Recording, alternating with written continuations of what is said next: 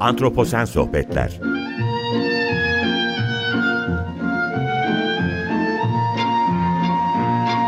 Hazırlayan ve sunan Utku Perktaş Merhaba, iyi akşamlar herkese.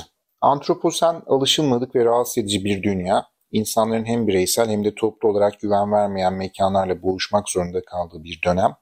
Yani huzursuzluk ve güvencesizlikle yaşamak için stratejiler gerektiren bir dünya ortamı olarak tanımlanıyor. 6 Şubat 2023'te 9 saat arayla gerçekleşen merkez üsleri sırasıyla Gaziantep ve Kahramanmaraş olan 7.8 ve 7.6 büyüklüğünde iki depremle sarsıldı Türkiye. Bugün bu depremleri 2023 Gaziantep Kahramanmaraş depremleri ya da 2023 Türkiye Suriye depremleri olarak tanımlıyoruz. Depremler sonucunda Türkiye'de resmi rakamlara göre bugün itibariyle en az 41 bin kişi, Suriye'de ise en az 5800 kişi hayatını kaybetti. Mevcut resmi kayıtlara göre Türkiye Cumhuriyeti tarihinde en fazla can kaybına neden olan deprem olarak da tarihe geçti bu deprem. Anadolu'nun tarihine baktığımızda 1268 Klikya depreminden sonra en fazla can kaybına neden olan deprem olarak da değerlendiriliyor. 108.068'i Türkiye'de olmak üzere toplam 122.000'den fazla kişi yaralandı. Depremlerin ardından en az 2 milyon kişinin bölgeden farklı kentlere göç ettiği tahmin ediliyor. Depremlerin ardından büyüklüğü 6.7'ye kadar varan en az 4700 artçı sarsıntı gerçekleşti. Evet bir deprem ülkesiyiz. Farklı bir coğrafyayız. Deprem bizim gerçeklerimizden bir tanesi bu coğrafyada.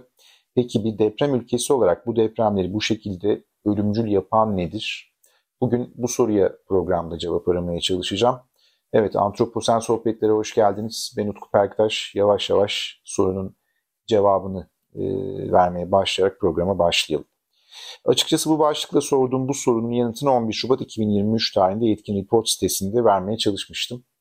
Bir kere de burada programda sizde bunu e, sözlü olarak yapmak istedim. Evet, genel olarak şunu söylemem gerek, önden bir rezervasyonla başlamak istiyorum. Ben bir jeolog değilim ya da depremlerle ilgilenen bir bilim insanı da değilim. Sadece istatistiklere bakarak gördüklerimi bilimsel çerçeve içine koyup bir bilimci gözüyle e, tartışmaya çalışıyorum. Bunları özetlemeye çalışıyorum. Ve bu minvalde de e, bu programı gerçekleştirmeye çalışacağım. Türkiye'de 1900 yılından bu yana meydana gelen deprem sayısı yüzün üzerinde olmuş ve bu depremler Türkiye'de ve etkisini gösterdiği Orta Doğu coğrafyasında şiddetli depremleri de içermiş. Dolayısıyla başlangıçta söylediğim gibi deprem bizim coğrafyamız için bir gerçek.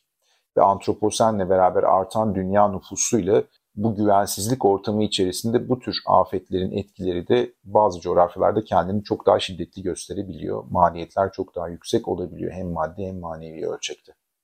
Dolayısıyla biraz bunları tartışmaya çalışacağım bir program olacak. Çok uzun bir program olmayacak ve bugün bir konuk ağırlamayacağım. Şimdi benim yaptığım gözlemler neticesinde gördüğüm şu. En şiddetli depremler en çok ölüm getirmiyor her zaman. Yani en ölümcül depremler bugüne kadar kaydedilen en güçlü depremler olmamış. Dünyada meydana gelen depremlerde kayıplar genellikle depremin derinliğiyle, depremin olduğu yerdeki nüfus yoğunluğuyla ve nüfusun yaşadığı binaların depreme dayanıklılığıyla ilişkili olarak bir fonksiyon oluşturuyor. Bu fonksiyon aslında e, meydana gelen depremlerin şiddetini ve bunların maliyetini ortaya çıkartıyor.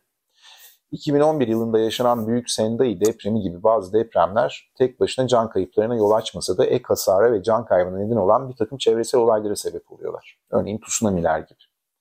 Bugüne kadar en büyük depremler olarak kaydedilen 1960 ve 2010 yılı Şili depremleri nispeten düşük ölüm oranlarına sahip olmuş.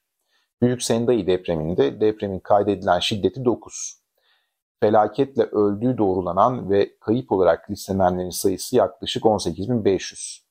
Bu sayının ise büyük çoğunluğu tsunami dalgalarıyla boğulanlarmış. Ayrıca ölenlerin yarısından fazlası da 65 yaş ve üzerindeymiş. Peki böylesine büyük bir deprem gerçeğiyle hazırlıklı olan ülkeler için yaşananlar nasıl oluyor? Hazırlıklı olmayanlar, gerekli denetimleri, doğru yapıları yapmayanlarda durum ne oluyor? Ee, bunlar nasıl değerlendirilebilir? Bugün aslında yapmaya çalıştığım bu olacak ve bu tartışmadan sonra da bizim yaşadığımız durumu iki farklı resim çizmeye çalışacağım esasında. Hangi resmin içine koyacağımızı da siz dinleyicilerimizin e, yorumuna bırakacağım. E, öncelikle gelin yakın tarihte dünyada yaşanan büyük depremleri bir bakmaya çalışalım ve bu depremler nerelerde olmuş, hangi coğrafyalarda gerçekleşmiş ve ne tür istatistiklerle karşımıza çıkmış. Resmin öncelikle bu kısmını bir çizmeye çalışayım sizler için. Bunun için size öncelikle bir Pakistan'a götürmek istiyorum. 8 Ekim 2005 tarihinde Pakistan'ın Keşmir bölgesinde 7.6 büyüklüğünde bir deprem meydana geliyor. Deprem komşu ülkeler olan Hindistan ve Afganistan'ı da belli, belli ölçüde etkiliyor ve 79 kişinin ölümüne sebep oluyor sadece Pakistan'da bu bölgede. 32 ee, binden fazla bina çöküyor. Tabii Hindistan ve Afganistan'da da bildirilen ek ölümler ve yıkım bunun, bu bilançonun üzerine eklendiğinde bu deprem çağdaş zamanların en yıkıcı depremlerinden biri haline geliyor. Ve tabii Ekim ayında meydana gelmiş olması depremin zamanlaması talihsizliği artırıyor.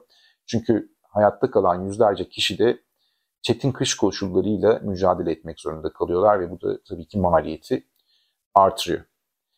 Aralık 2004 yılında e, Aceh, Indon'da meydana gelen bir tsunami'nin sonuçları çok yıkıcı olmuş. Ancak bu tsunami'nin sebebi 26 Aralık 2004 sabah saatlerinde Endonezya'nın Sumatra Adası açıklarında meydana gelen bir deprem. 9.1 büyüklüğünde oldukça şiddetli bir denizaltı depremi.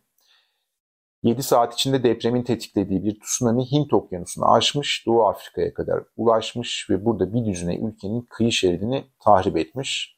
9 metreyi aşan dalgalar tsunami'ye neden oluyorlar ve bu bir düzine ülkede yaklaşık 225 bin insanın ölümüyle sonuçlanıyor e, durum. Endonezyalı yetkililer de özellikle Kuzey Sumatra'nın Aceh eyaletinde yalnızca oradaki ölü sayısının 200 bini aştığını bildiriyor ve yine bu da son 20 yıl içerisinde dünyanın gördüğü en şiddetli felaketlerden bir tanesi. Bir deprem ve devamında gelen tsunami hadisesi. Hint Okyanusu depremi ve tsunamisi olarak da tarihe geçiyor. Bir diğer deprem görece biraz daha eski.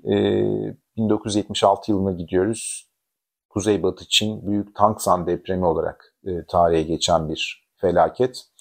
E, bu depremde 28 Temmuz tarihinde meydana geliyor ve büyüklüğü 7,5. Pekin'in yaklaşık 110 kilometre doğusunda bulunan Çin'in kömür madenciliği ve sanayi şehri olan Tangsan'ı neredeyse yerle bir eden bir deprem. Tarihin en büyüklerinden biri olduğu düşünülüyor. Çünkü ölü sayısına baktığımız zaman resmi kayıtlara göre 242 bin kişi. Ama resmi olmayan kayıtlara baktığımız zaman sayının 655 bine kadar çıkmış olabileceği söyleniyor.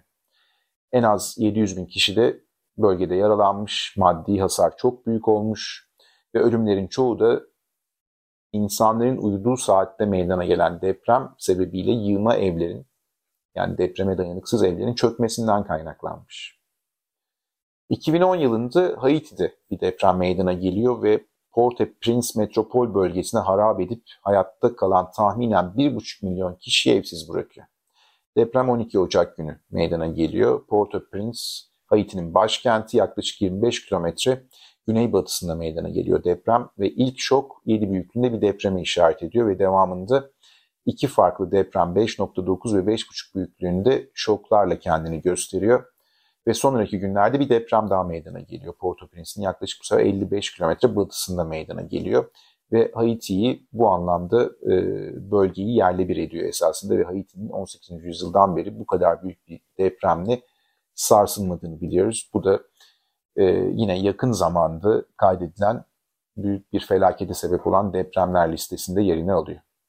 Şimdi bu depremlere baktığımızda hani bir kısmını resmetmeye çalıştım bir takım istatistiklerle ve bu resme baktığımızda ana fikrimiz zayıf yapılar ve zayıf yönetimler olarak kendini gösteriyor. Yani bu depremlerin yaşandığı ülkelerde karşımıza çıkan çerçeve birbirine benzer bir resmi ortaya koyuyor. Zayıf yapıların inşa edildiği, ekonomik seviyeleri düşük, yönetim gücü zayıf, iyi yönetilmeyen ülkeler. Şimdi burada yaşananlar belli ölçüde kader olarak nitelendirilemez çünkü bir takım tercihler yapılmış, doğru denetimler yapılmamış bu tercihler doğrultusunda ve insanların bu tür felaketler karşısında ciddi maliyetlerle yüzleşmesine sebep olunmuş. Peki doğru tercihler yapılsaydı ya da bu maliyetler düşürülmek için geçmişten doğru dersler alınsaydı, coğrafya doğru okunsaydı neler olabilirdi? Bu noktada farklı istatistiklere bakmamız lazım. Ee, yani durumun tersine biraz bakmamız lazım. Nasıl istatistiklerle karşılaşıyoruz? Bunun için de e, bir başka resmi çizmek adına sizi Amerika'ya götürmek istiyorum bu sefer Amerika Birleşik Devletleri'ne ve Amerika Birleşik Devletleri'nin eyaletlerinden Kaliforniya ve Kaliforniya depremlerine bir yakından bakalım hem de yakın zamanda olmuş depremleri. Acaba son yıllarda yaşanan en kötü bilanço ne olmuş? Hemen başta söyleyeyim son yıllarda Kaliforniya'da meydana gelen büyük depremlerde can kaybı olmamış. Kaliforniya'da neden can kaybı yok? 2022 yılından başlayalım. Çok yakın bir zaman. Ferndale depremi büyüklüğü 6.4. Kaliforniya'da herhangi bir ölüme neden olmuyor. Sadece hasarlı evler oluşuyor ve bu sebeple yaklaşık 100 kişi evlerini terk etmek zorunda kalıyor. 2019 yılına bir bakalım. 3-4 ee, yıl önceye gidelim. Ridgecrest depremi 7.1 büyüklüğünde gerçekleşiyor. Bu depremde herhangi bir ölüme neden olmuyor Kaliforniya'da. Burada yaşayan nüfus o bölgede meydana gelen en az 5 şiddetindeki depremler nedeniyle erken uyarı sistemiyle önceden bilgilendiriliyor, uyarılıyor. Dolayısıyla depremin herhangi bir olumsuz etkisini insanlar ve çevre üzerinde çok şiddetli bir şekilde görmüyoruz. Evet biraz daha geriye gidecek olursak bu son 3-4 yılın bilançosuydu. 2010 yılına gidecek olursak Baja California depremi 7.1 7.2 büyüklüğünde kaydediliyor. Ve yine bu da tarihe geçen depremlerden bir tanesi ama süresi çok uzun. 89 saniye sürüyor. Ve etki alanı çok geniş. Bu anlamda biraz tarihe geçiyor. Kuzeybatı Meksika ve Güney Kaliforniya'yı da içerecek şekilde çok geniş çaplı bir coğrafyada hissediliyor. Ve aynı zamanda Güney Kaliforniya'yı en az 18 yıl içinde sarsan en güçlü deprem olarak da karşımıza çıkıyor bu. Amerika Birleşik Devletleri Jeolojik Araştırma sismologları Güney Kaliforniya'nın çoğu da dahil olmak üzere Amerika Birleşik Devletleri ve Meksika'da en az 20 milyon insanın depremi hissettiğini belirtmiş. Herhangi bir ölüm yaşanmış mı? Hayır.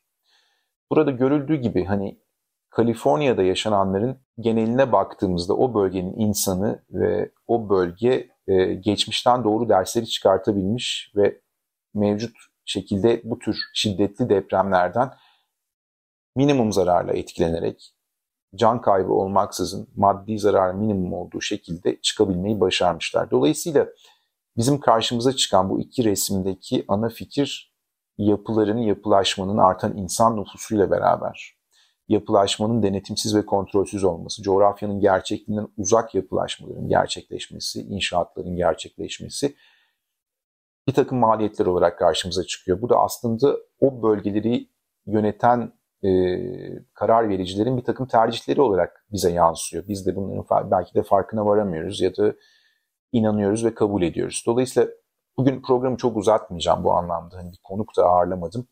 Uzun lafın kısası e, bugün ülkemizin de sarsılarak yaşadığı bu felaketin nedeni denetimsiz ve kontrolsüz yapılaşma olarak karşımıza çıkabilir ve yaşadığımız resmi aslında burada çizdiğim iki farklı resimden hangisine yerleştirmemiz gerektiğini siz dinleyicilerimizin yorumlarına bırakıyorum ben bunları anlattıktan sonra.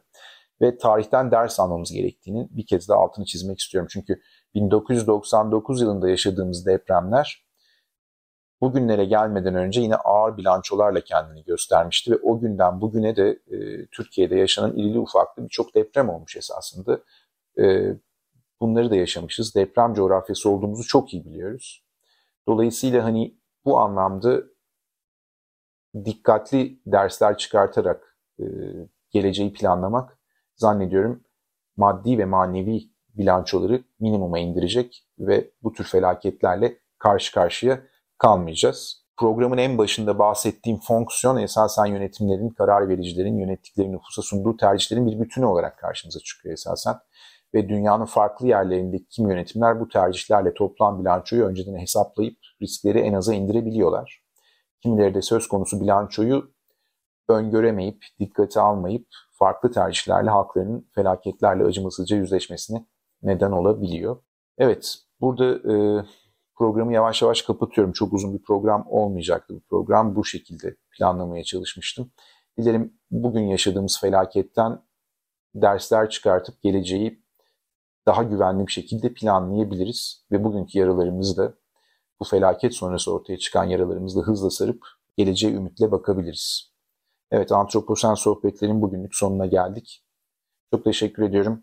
Hepinize iyi akşamlar diliyorum. Önümüzdeki günlerde görüşmek üzere. Hoşçakalın.